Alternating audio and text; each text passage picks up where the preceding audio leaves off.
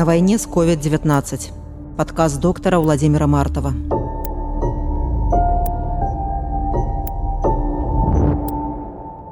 Глава 16. Владимир Сергеевич. 18 мая в понедельник, уходя с работы, я почувствовал исчезновение запахов, анасмию.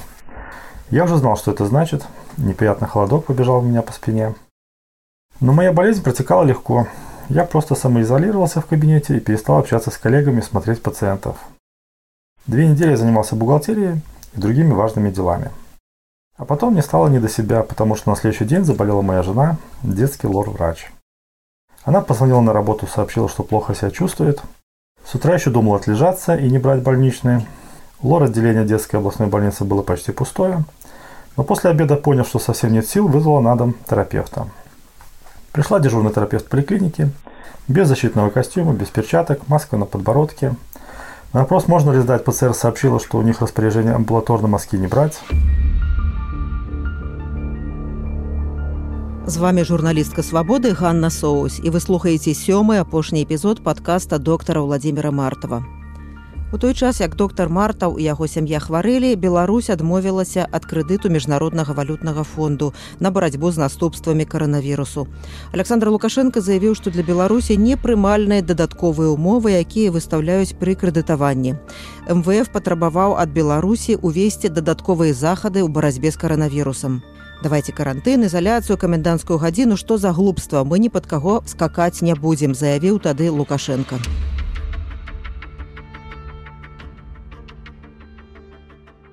Заведующая детским лор-отделением в этот день, 19 мая, во вторник, оперировала ребенка, заведующий кафедрой лор-болезней, доцентом Владимиром Сергеевичем. 20 мая у завкафедры был день рождения, ему стукнуло 62 года. Его в детской областной больнице не было. 21 мая в четверг заведующий детским лор-отделением почувствовал себя нехорошо, но в этот день у него было ночное дежурство, и в этот же день операция, где она опять попросила доцента ей проассистировать. Оперировали медицинского ребенка. После операции пили чай с тортиком в честь дня рождения. Дежурство прошло очень спокойно, отделение было полупустое, обращений в приемный покой не было. Моя жена обменивалась заведующей отделением впечатлениями. Заведующая с дежурства. Сил нет дойти даже до лифта. Температура 37,6. Моя жена из дома. Сейчас сделала огромные усилия, полила цветы. Еле дошла опять до кровати. Вова на меня ругается, мол, надо беречь силы. Он сегодня отдал дежурство, чтобы ухаживать за мной и выгулять собаку, потому что сын ушел на дежурство. 22 мая в пятницу жена должна была идти в поликлинику продлить больничные, но сил не было даже встать с кровати. Участковый терапевт пришла без защитного костюма, без перчаток, послушала легкие, продлила больничный до вторника. На вопрос про мазки опять был ответ «Есть установка не брать мазки амбулаторно». 23 мая в субботу доцент Владимир Сергеевич был на даче. Накануне он жаловался, что ломило тело, но после аспирина стало легче. 24 мая в воскресенье он разболелся. Выяснилось, что он болен уже два дня, потерял вкус и аппетит, за два дня минус 3 килограмма. Спит на животе. 25 мая в понедельник моя жена приехала ко мне в БСМП сдать ПЦР и сделать КТ легких. Потеряла сознание, когда брали кровь из вены. Очень смешно работать на шатырь при анасмии. Действие есть, отшатывание отвадки, а запаха нет. Мы отказались от госпитализации, от антибиотиков. Жена за рулем автомобиля чуть доехала до дома. В этот день у Владимира Сергеевича температура тела была 39,4. 27 мая в среду Владимир Сергеевич отметил некоторые улучшения, но, посоветовавшись с друзьями-профессорами, решил сменить антибиотик. 29 мая в пятницу у него и его жены, она была заведующим рентгенологическим отделением поликлиники, пришли положительные мазки ПЦР. Ему не лучше. Он вызвал бригаду скорой помощи и поехал на госпитализацию в инфекционную больницу. 30 мая, суббота, Владимир Сергеевич в больнице. Самая низкая сатурация была 72, потом поднялась до 90. Жаловался, что без кислорода тяжело. Из переписки коллег по поводу Владимира Сергеевича и возможности его попадания на ИВЛ говорилось. В БСМП за все это время на ИВЛ было человек 60. Только двое из них выписалось, двое дышат уже самостоятельно, и еще двое на подходе к снятию с ИВЛ. Владимир Сергеевич отписался, лежит на кислороде, под капельницей, сатурация 92. 31 мая, воскресенье, был перебой с подачей кислорода минут на 30. Владимир Сергеевич пожаловался, что перенес этот перебой нехорошо. Вскоре к нему в палату инфекционную больницу привезли его жену. А вечером Владимир Сергеевич внезапно умер. Его жену 3 июня перевели в областную больницу. Сатурация при переводе была порядка 70, потом она оказалась на ИВЛ и умерла 16 июня. А 4 чэрвеня Александр Лукашенко змяніў склад ураду перад выбарамі і заявіў, што ўвесь свет пацвярджае, што ён меў рацыю, калі не ўводзіў проціэпідэмічных захадаў. Нас начали упрекать, не тем путем не так лечим народ.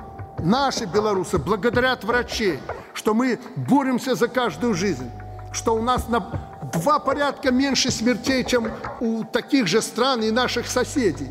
Нет, надо камень в огород бросить. А что не так? А что у нас не так, как у, у других? Что мы не изолировали и на карантин не отправили белорусов? Что мы не объявили комендантский час? Так сегодня весь мир подтверждает, что Лукашенко оказался прав.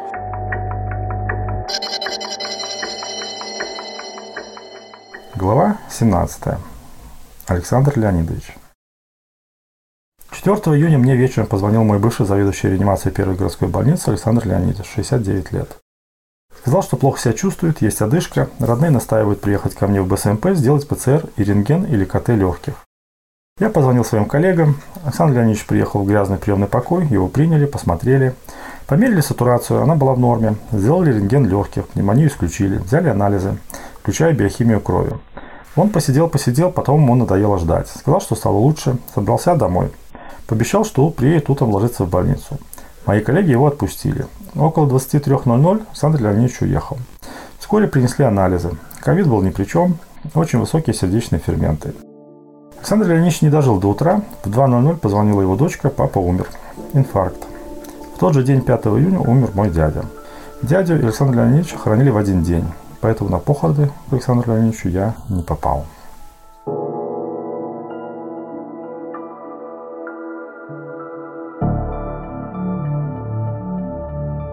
Паводле звестак недзяржаўнага праекту спіс памяці на пачатку чэрвеня 2020 году як найменей 21 медычны супрацоўнік, што быў хворы на COVID-19 і пнеўманію, памёр за два месяцы эпідэмію Беларусі. Больш за ўсё ахвяраў эпідэміі сярод медыкаў вядома з віцебску, Менска і Барысава. 17 медыкаў мелі пацверджаны тэст на каранавірус, у астатніх двухбаковая пнеўманія і падазрэнне на каранавірус. Але не ва ўсіх гэтых людзей у пасведчанні аб смерці было запісана пра каранавірус. Міністэрства аховы здароўя не распаўсюджвала інфармацыю пра медыкаў, якія памерлі ад COVID-19. Яны спасылаліся на біяэтыку і лекарскую таямніцу. Глава 18. Конец первой волны. В июне мы вышли на плато. Пациентов в целом становилось меньше, но не у нас. К нам стали переводить и очищать другие стационары, в первую очередь первую городскую больницу, потом железнодорожную больницу и вторую городскую больницу. Последними коронавирусными стационарами оставались инфекционная больница, мы и часть областной – Паводле загаду мінздароўя нумар 557 цяпер не трэба было чакаць двух адмоўных тэстаў, каб выпісалі са шпіталя. Хворых з лёгкай формай выпісвалі праз 14 дзён з адным адмоўным тэстам. Як у той час паведамлялі свабодзе лекары на ўмовах ананімнасці, са многіх шпіталёў пачалі масава выпісваць людзей і са станоўчымі тэстамі. Справа ў тым, што не хапала шпіталёў, дзе лячылі каранавірусных хворых і каб пакласці туды новых хворых трэба было выпісаць тых, каго ўжо падлячылі. Так адбывалася і ў віцебску. Перевод из других больниц стал еще одним испытанием для нас. Все пациенты к нам переводимые сплошь имели вызванную антибиотиками диарею или понос. И самую тяжелую его форму – псевдомембранозный колит. Это был бич. Люди, пережившие корону, умирали от осложнений лечения. К июлю первая волна эпидемии коронавирусной инфекции сошла на нет. Очень интересная тема – медицинская статистика ковида – ее ведь даже обсуждать невозможно. Если статистика носит не заявительный, а директивный характер, значит власть придержащие не хотят знать, что происходит. Значит, они не собираются ничего менять, чтобы что-то улучшить. В директивную статистику можно носить коррективы, ее можно улучшить, а там и до победы недалеко. Одно из ярких впечатлений июля 2020 года – объявление победы над ковидом. Фанфары и чествование победителей – А вось што заяўляў Александр Лукашенко на ўручэнні дзяржаўных узнагародаў. Сейчас на передовой из-за коронавирусной инфекции оказались наши медики. Беларусь продемонстрировала политическое здравомыслие и народную мудрость.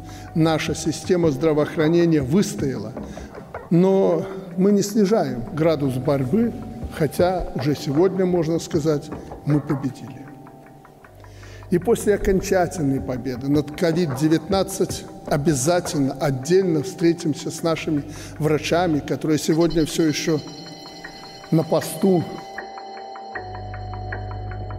Пра тое, што назіраецца стабільнае зніжэнне колькасці хворых на COVID-19 ва ўсіх рэгіёнах заявіў 22 ліпеня тагачасны міністр здароўя Беларусі Владзімир Каранік мы видим стабильную ситуацию не только снижения инфицированных, но и значительное снижение пациентов, у которых выставляется диагноз пневмония. Уменьшается количество госпитализированных пациентов, уменьшается количество пациентов, которые проходят лечение на амбулаторном этапе. И эта ситуация свойственна для всех регионов. И это не связано с тем, что там кого-то не госпитализируют. На самом деле часть пациентов амбулаторное лечение проходила, это был осознанный выбор, потому что это вирусная пневмония. Если у человека нет э, сопутствующей патологии, которая действительно повышает риск осложнений, то госпитализация зачастую для него представляет больший риск, потому что есть опасность присоединения бактериальной инфекции. «23 июля вышел указ Лукашенко о награждении медработников, отличившихся в борьбе с коронавирусной инфекцией. Среди награжденных были вполне приличные заслуженные люди. Та же самая Лида Радевич из железнодорожной больницы. Но были и те, кто ни сном, ни духом по должности или еще по каким-то парамедицинским соображениям. Разнарядка, столько-то женщин, столько-то федеральных работников. Меня среди награжденных, слава богу, не было. Мне звонили коллеги, с которыми пришлось поработать. Почему? А я не удивлялся. Еще раньше мои друзья передали мне установку начальства, что касалось благодарности медикам в газете «Витбичи». Про Мартова не печатать. А чиновники заливались. Цитата. «Ситуация с коронавирусной инфекцией стала своеобразным экзаменом для системы здравоохранения всей страны, который сдали на отлично». Конец цитаты.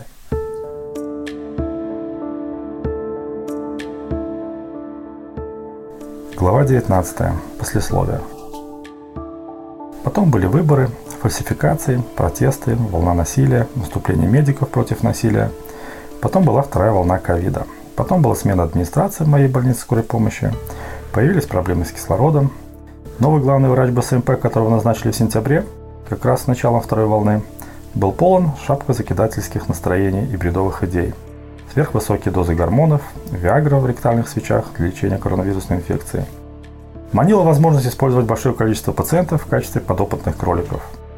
Я долго пытался адаптироваться, но все же мне пришлось вступить с администрацией в войну а это практически парализовало мою врачебную деятельность. А еще у нас в БСМП в первую волну не было проблем с кислородом. То есть проблема с подачей кислорода во вторую волну – это нечто вполне рукотворное, от недомыслия или того хуже. Но это было потом.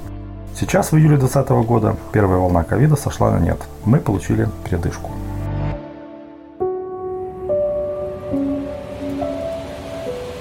Неўзабаве споўніцца год як прадстаўніку знакамітай віцебскай дынастіі лекараў кандыдату медычных навук доктару владимиру мартаву загадчыку аддзялення анестэзіялогіі рэанімацыі віцебскай гарадской клінічнай лекарні хуткай медычнай дапамогі не падоўжылі кантракт Владзімир Мартаў стаў першым лекарам у краіне, які ў красавіку 2020 году ў разгар эпідэміі каранавірусу не пабаяўся публічна агушыць свае думкі пра тое, што адбывалася тады ў шпіталях, акрэсліўшы сапраўдныя маштабы хваробы ў Беларусі.